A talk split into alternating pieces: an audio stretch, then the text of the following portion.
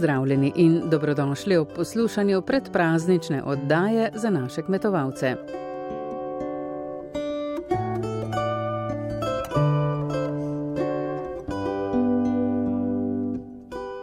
Danes se bomo ponovno potepali po Sloveniji, se pogovarjali o zvereh oziroma podeželju na razpotju, pa o cvičku, prostovoljnem delu na ekoloških kmetijah in oddajo na koncu začinili še z idejo za božično svečano večerjo. Vabimo vas, da se nam pridružite in verjamem, da boste našli kakšno zanimivost, ki vam bo všeč.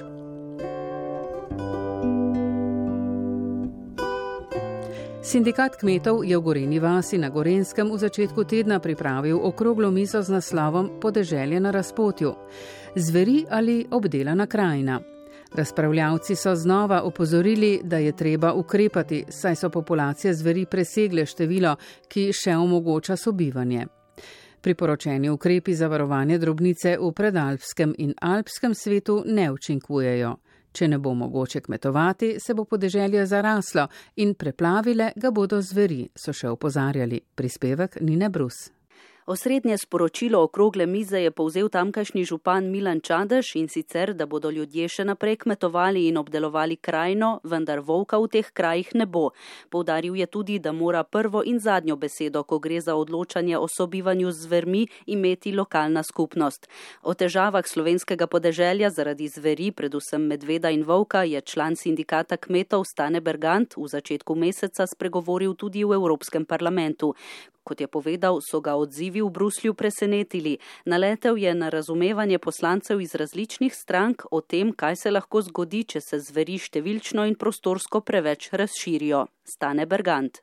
Se ta zavedanje, da je ta smer ušla izpod nadzora, da to gre preveč, da je neko, neko normalno sobivanje možno samo pri normalnih velikostih populacije, ki so bile pred vstopom Slovenije v Evropsko unijo in v območjih, kjer smo te zveri že odprej poznali in z njimi sobivali. V področjih, kjer jih pa stoletja ni bilo in kjer teren in klima in vse ostalo ne omogoča varovanje domačih živali na tak način, je pa vsaka misel na sobivanje v bistvu iluzija. Mi trdimo, da je to utopija sobivanja v teh krajih in da bo posledica, bom rekel, če bo politika, država, ne vem, šla s to smerjo naprej, edina, edina posledica od tega bo opuščanje kmetovanja, zmanjšala se bo samooskrbnost, zmanjšala se bo, bom rekel, atraktivni pogled, tu zelo hvalimo to slovensko krajino, to se bo zgubil in edin te dve možnosti imamo zdaj. Ali bomo ustavili to norijo ali pa bomo prepustili podeželje zverem. S tem stališčem se strinja tudi Janez Bogataj. Pri njem se je septembra zgodil največji napad volkov na drobnico v Poljanski dolini. Izgubil je 35 ovc jezersko-sovčavske pasme ali tretjino črede in do danes od države še ni prejel očkodnine.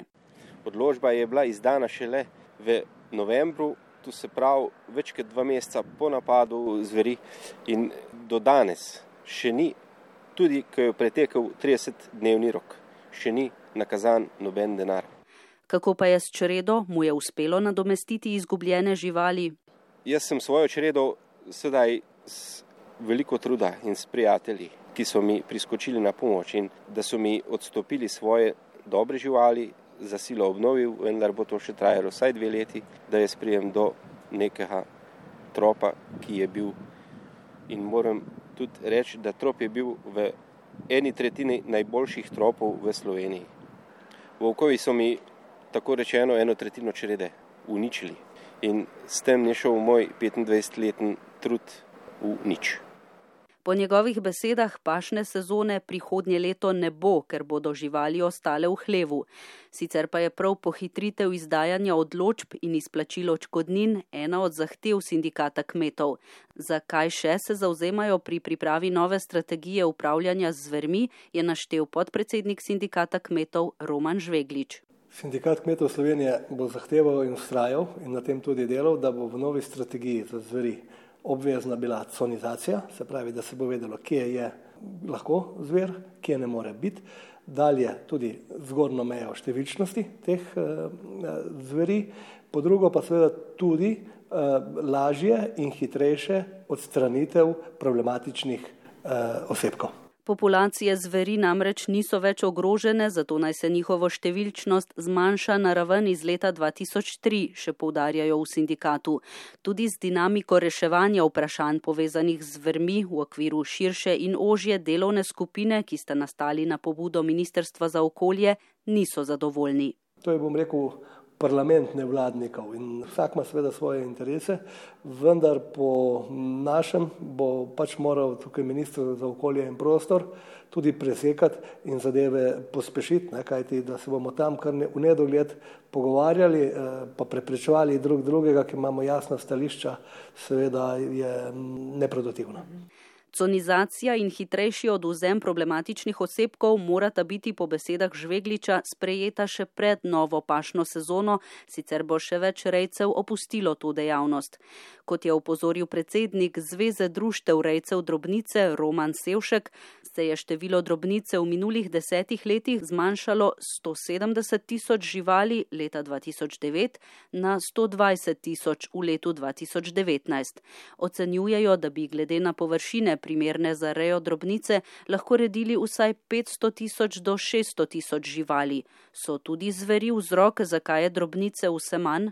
Absolutno so tudi zveri del tega problema, obenem pa tudi v zadnjih letih eh, neustrezna kmetijska politika na tem področju. In očkodnine, in tudi eh, sploh kmetijska politika na tem področju, kar se tiče teh podpor za travinje, za ekološko travinje, za OMD so se plačila zmanjšala in posledično seveda rejci niso več imeli nekega ekonomskega interesa dejansko eh, držati eh, živali na posestvu. Ne le naša država, tudi Evropska unija je torej pred odločitvijo, kako v prihodnje upravljati z zvermi in kako pomagati podeželanom, da bodo ustrajali pri obdelovanju krajine.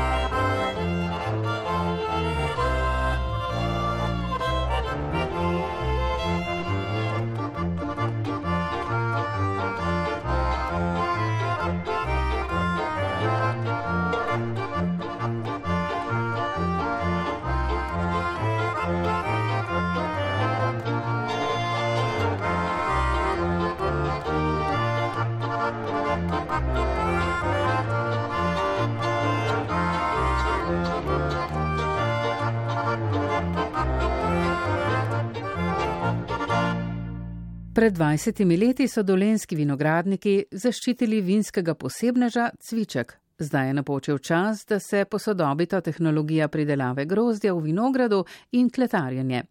Cilj je narediti vino še bolj sveže, sadno in pitno, ter s tem ugoditi zahtevam sodobnih pivcev vin. Prispevek je pripravil Jože Žura.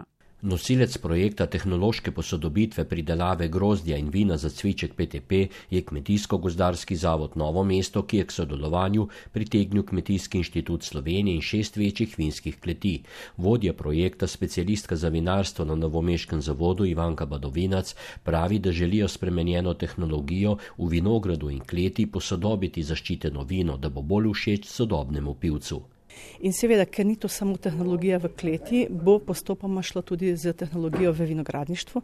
Torej, od tega, da bomo eh, nekako razbremenili vinsko trto, da bo manjši predelek, da bomo tudi veliko postorili glede z razlistanja, fotosinteze, da bo boljša akumulacija sladkorja, da bodo primerne kisline in seveda potem to z dobro tehnologijo predelave v kleti, ki pa naj bi bila hiperreduktivna, pomeni čim manj kisika, s tem bomo ohranili čim lepšo sadnost, aromatiko bodočega vina. Potem uporabili naj bi tudi primerne kvasovke in pa njego na drožeh, ter seveda ob tem tudi primerno tehnologijo stiskanja in pa potem eh, samega stekleničenja vina. Pri tem postopku naj bi bilo čim manj prisotnosti kisika, da bi ohranili te primarne aromatike našega bodočega vina. S tem bi pridobili sadne arome, pitnost in harmonijo cvička in vse to išče sodoben pivec vina, dodaja Ivanka Badovinac. In ker veliko mladih tudi presega na dobro vino, nekako želimo v tej smeri predelati takšno vino, da bodo radi segali po njem in se vračali kupcu. In po drugi strani tudi pridobiti na skakovostjo tudi višjo ceno, kajti delamo zato, da bomo tudi nekaj zaslužili na koncu koncev. Dr. Klemen Lisjak z Kmetijskega inštituta Slovenije, ki pogodbeno vodi tudi veliko klet v Makedoniji in ima veliko praktičnih izkušenj, meni, da ima cviček že zdaj sodobne karakteristike, ki pa jih je potrebno le še nadgraditi.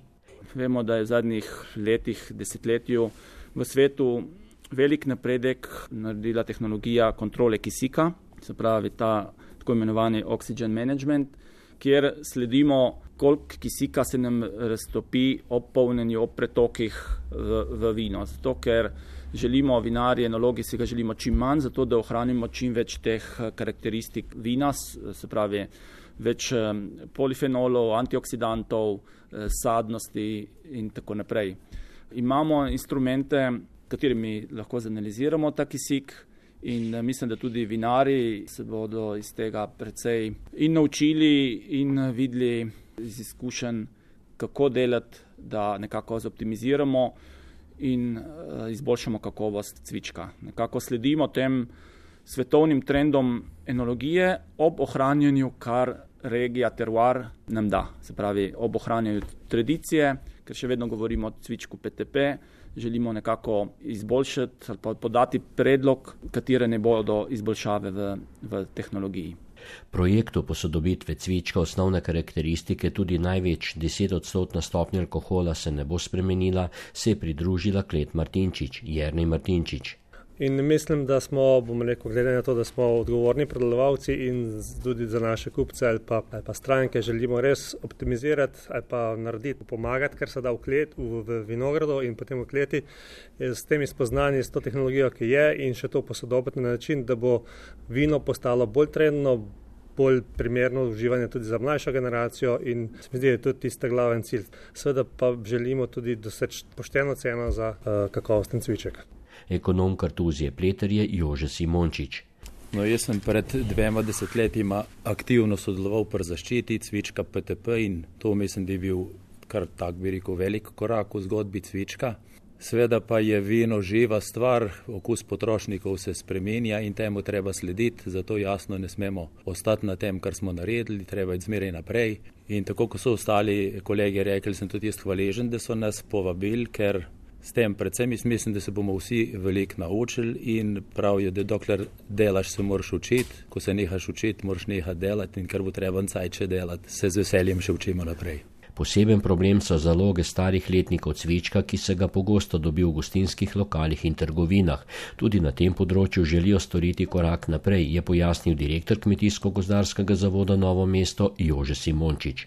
E, sedaj je po pravilniku možno tržiti vino cviček PTP dve leti in pol, kar je za mlado, sveže vino zelo dolgo. Naš predlog je, da se mora to glede na stanje rekel, na trgu in na, na opažanja, ki jih imamo, skrajšati. Mi smo predlagali neko tako umestno varianto 15 mesecev.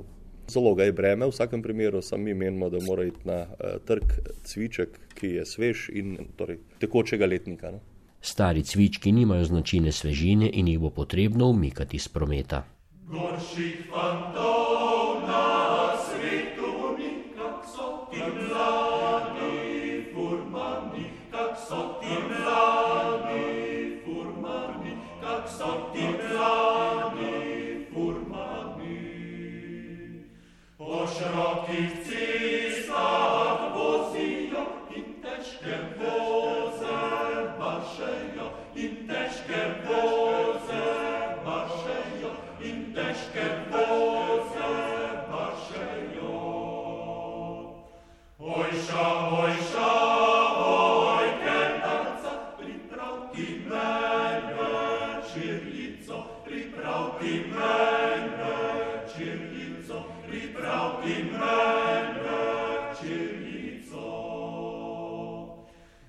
Večerja je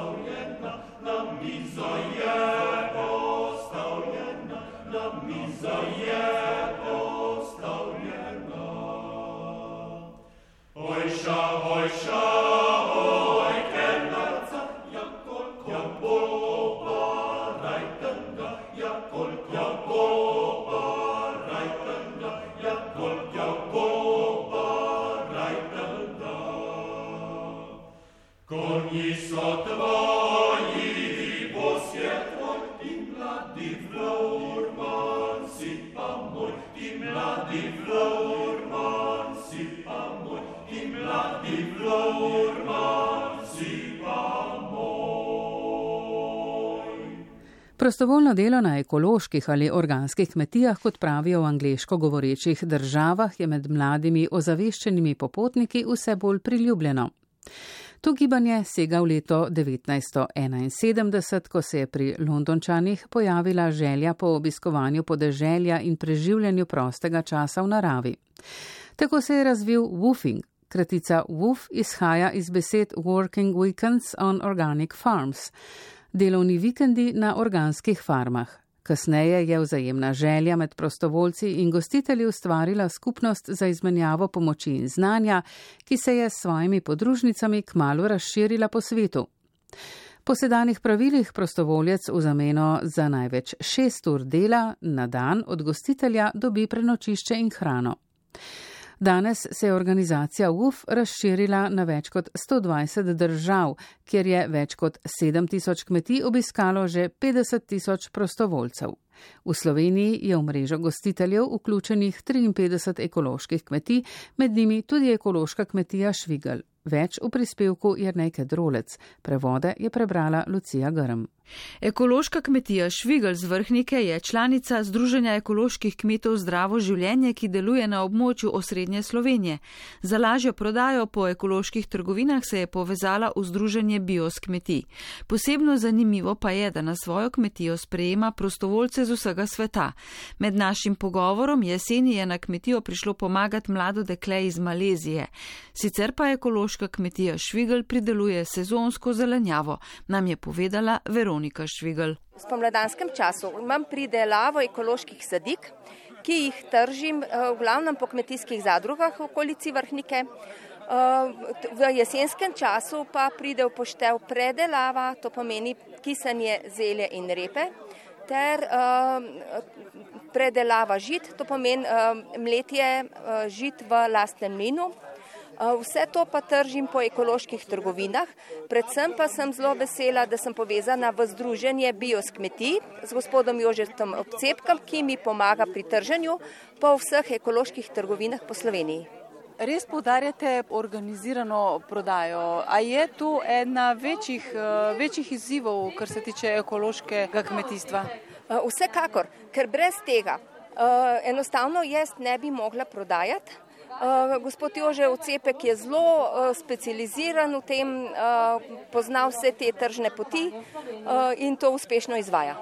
Veronika je vključena tudi v mednarodno platformo WUF, svetovno gibanje ekološkega kmetovanja, ki obiskovalcem ekoloških kmetij iz vsega sveta ponuja možnost spoznavanja trajnostnega načina pridelave. Gre za neke vrste izmenjavo, za brezplačno namestitev, pri čemer lahko obiskovalci prostovoljno sodelujejo pri enostavnih delih na kmetiji in tako neposredno spoznavajo, kaj pomeni pridelovati ekološko oziroma organsko hrano. In kakšne izkušnje ima Veronika s prostovoljci oziroma svetovnimi popotniki gibanja VUF. To so mladi ljudje, kot sem rekla, predvsem zelo ekološko usmerjeni, prihajajo iz različnih vrst, eh, iz različnih držav. Eh, glavnem iz Francije, tudi iz Jeruzalema, iz države Oman, kjer zbežijo proti visoko vročino v visokem poletju, iz Amerike, Eh, iz Nemčije, iz Ukrajine. Med našim pogovorom smo na kmetiji srečali simpatično dekle iz Malezije, ki je po poklicu bolniška sestra, a je dala odpoved in se s svojimi prihranki podala na potovanje pridobivanja izkušenj o pridelavi ekološke hrane. But after some time, I found that if we are sick, Po določenem času dela v bolnišnici sem ugotovila, da jemanje zdravil, potem ko zbolimo, ni dokončna in prava rešitev za naše zdravje. Za ohranjanje zdravja poskrbimo z uživanjem dobre, kakovostne, zdrave hrane in ustreznim uravnoteženim življenjskim slogom. Eating a good food or practicing a good lifestyle. Pri Veroniki se je nastanila za en teden in kakšni so vtisi, se je hitro naučila vseh veščin, je delo težko?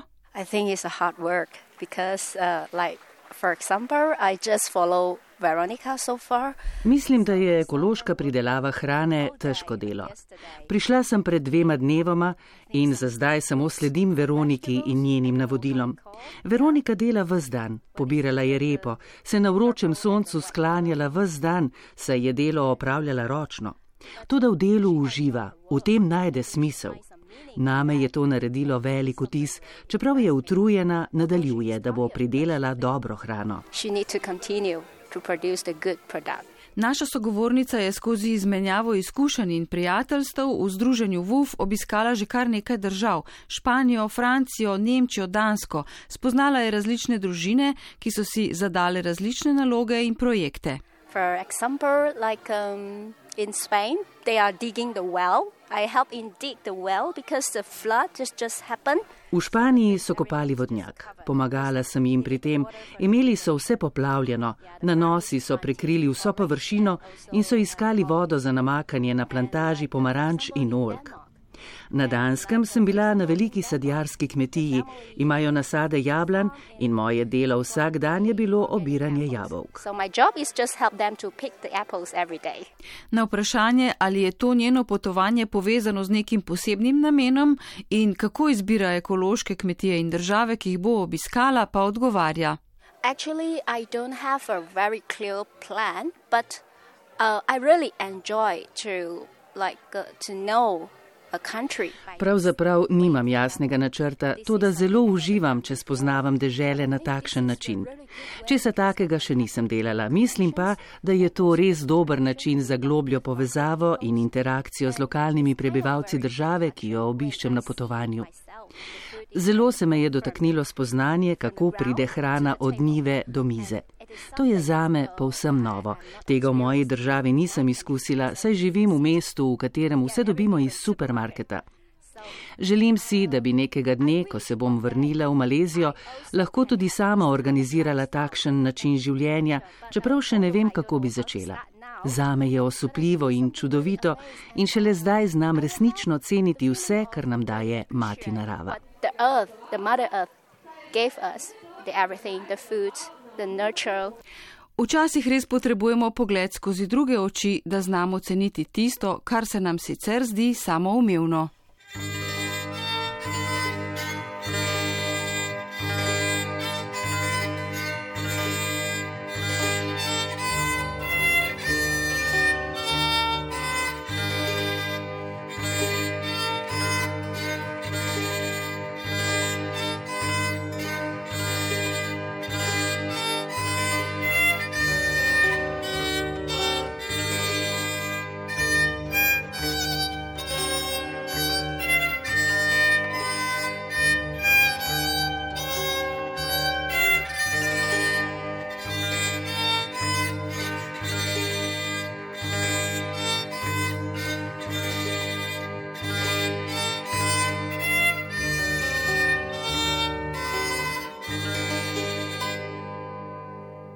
In na koncu bomo oddajo za naše kmetovalce še božično začinili. Skupaj bomo pripravili svečano božično večerjo, pri tem v pravilu pa nas bo vodil kuharski mojster, tudi avtor knjige Po domače včasih malo drugače, Richard Baša.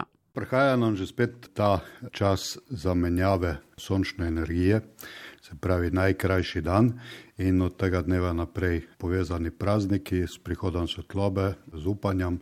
V vseh religijah na svetu ga praznujejo, se pravi, tako imamo letne čase in je to pravzaprav čas upanja. Povezan je seveda tudi s hrano. Zdaj, če pogledamo v preteklosti, so bili ljudje več ali manj lačni ampak imeli so pa nekatere dneve v letu, ko so si proščili pa obilje. Kljub temu, da so si ga prošli zelo težko. Mislim, da je ta tradicija tako zelo zdrava, da smo lahko ponosni na njo. Vsem tem so povezani seveda tudi tradicionalne jedi. Zdaj, današnji čas je mal drugačen, ne mal precej je drugačen. Tradicijo se zmeraj manj spoštuje, zgublja na ceni. Meni se zdi to do tradicije in do naših predhodnikov zelo krivično. Zato bom danes predstavil nekaj takega, kar so po vsi verjetnosti si lahko prošli tudi naši predniki. In sicer bomo najprej predlagali ocvirkovko oziroma kruh z ocvirki. Običajno je to bel kruh, doda se v njega tudi svinsko mast.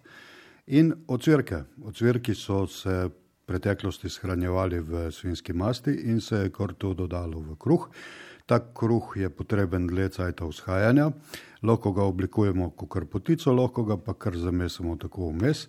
Eh, je zelo izdaten, zelo močna hrana, tudi kalorično. Potrebno je tudi osoliti in spečemo ta kruh po stari slovanski tradiciji ga lahko postrežemo na mesto nekih fancy šmeksi predjedi z malo soli, tako kot se ga je tradicionalno postreglo. Zraven gre seveda kot domač alkoholni ali pa brezalkoholni napitek in to je to. Predjed je končano. Zdaj je sicer čas kolin in seveda svinskega mesa, ampak klik zaradi preobilja teh kolin sem jaz danes izbral en mal drugačen recept in sicer tisto, kar je tudi v preteklosti bilo dosegljivo, to je pohan piščanc. Naredili ga bomo mal drugače in sicer zbrali bomo krače, ker so bistveno bolj sočne kot prsa, po moje oceni tudi bolj okusne, tudi če imajo kakšno žilco. Pobrali bomo koščico ven, tako da bo se lepše speklo. Na mesto koščice bomo pa zmešali malo sira, lahko je tudi parmezan, z maslom. Oblikujemo v tako palčko in ko je bila koščica in damo na sredino tam, kjer je prej bila kost. Vse skupaj spaniramo po Dunajsko, odsvremo na malo maščobe, samo toliko podsvremo, da nam skorjica porjavi ker se nam pri peščanci zelo pogosto zgodi, sploh pri krakih, da se nam ne prepeče. Zmeraj je problem, ker je to precej debel kos mesa. Zaradi tega jo najprej popečemo, zato da dobimo tisto zlato zapečeno škorico, pol pa vse skupaj odsedimo malo na serveti kuhinjski, damo v pekač in v pečici spečemo še 45 minut do konca, ne na previsoki temperaturi, da se nam ne zažge, kajšnih 150-160 bo dovolj in imamo krasno pečenega piščanca, brez problemov, ali je na sredini pečen ali ne. Zdraven je treba pripraviti kajšno sezonsko zelenjavo. Jaz bi priporočal to novo sorto cvetače, imenuje Romanesko, nekako deluje tako kot take majhne smrekce, kot smreka, zelo lepo dekorativno deluje na krožniku.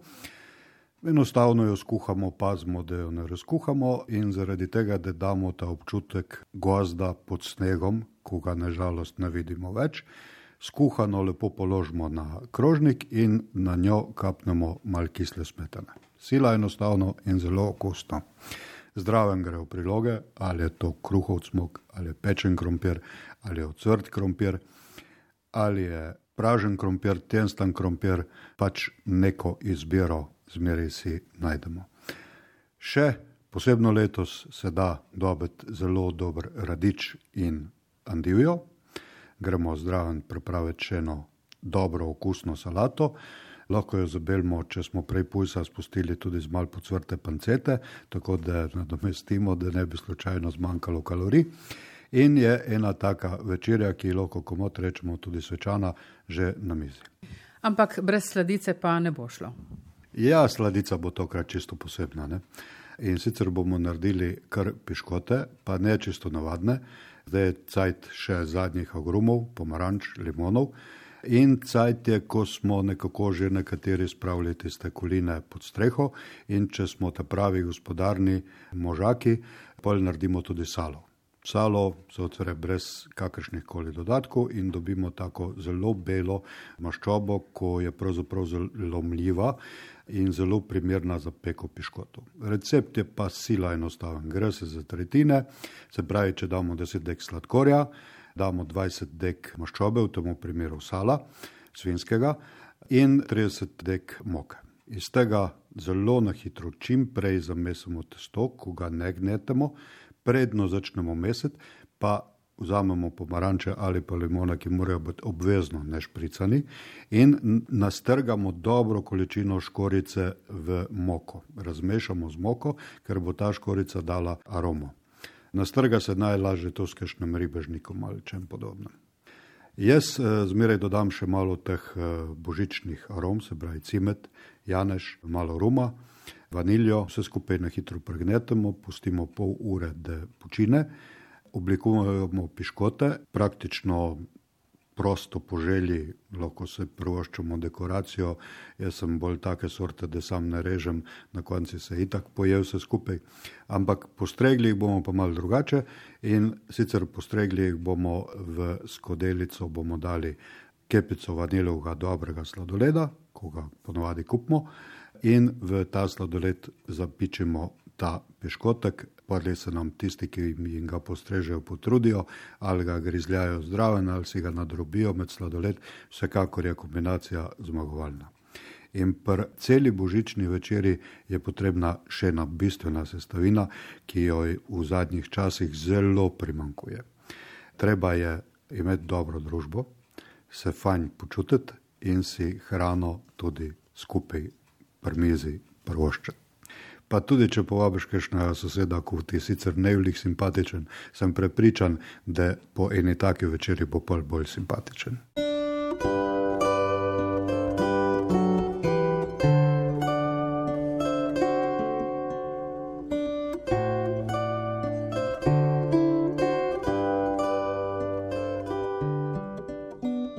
Poslušali ste predbožično oddajo za naše kmetovalce. Danes smo jo sooblikovali glasbeni urednik Matej Jevnišek, tonski mojster Robert Markoč, novinari Nina Brus, Jože Žura, Jrnejka Drolec in Sabrina Mulec, ki sem jo tudi uredila in vodila.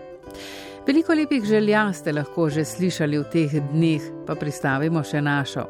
Doživite čudovit božični večer v družbi tistih, ki so vam najljubši. Pa naslišanje prihodno nedeljo.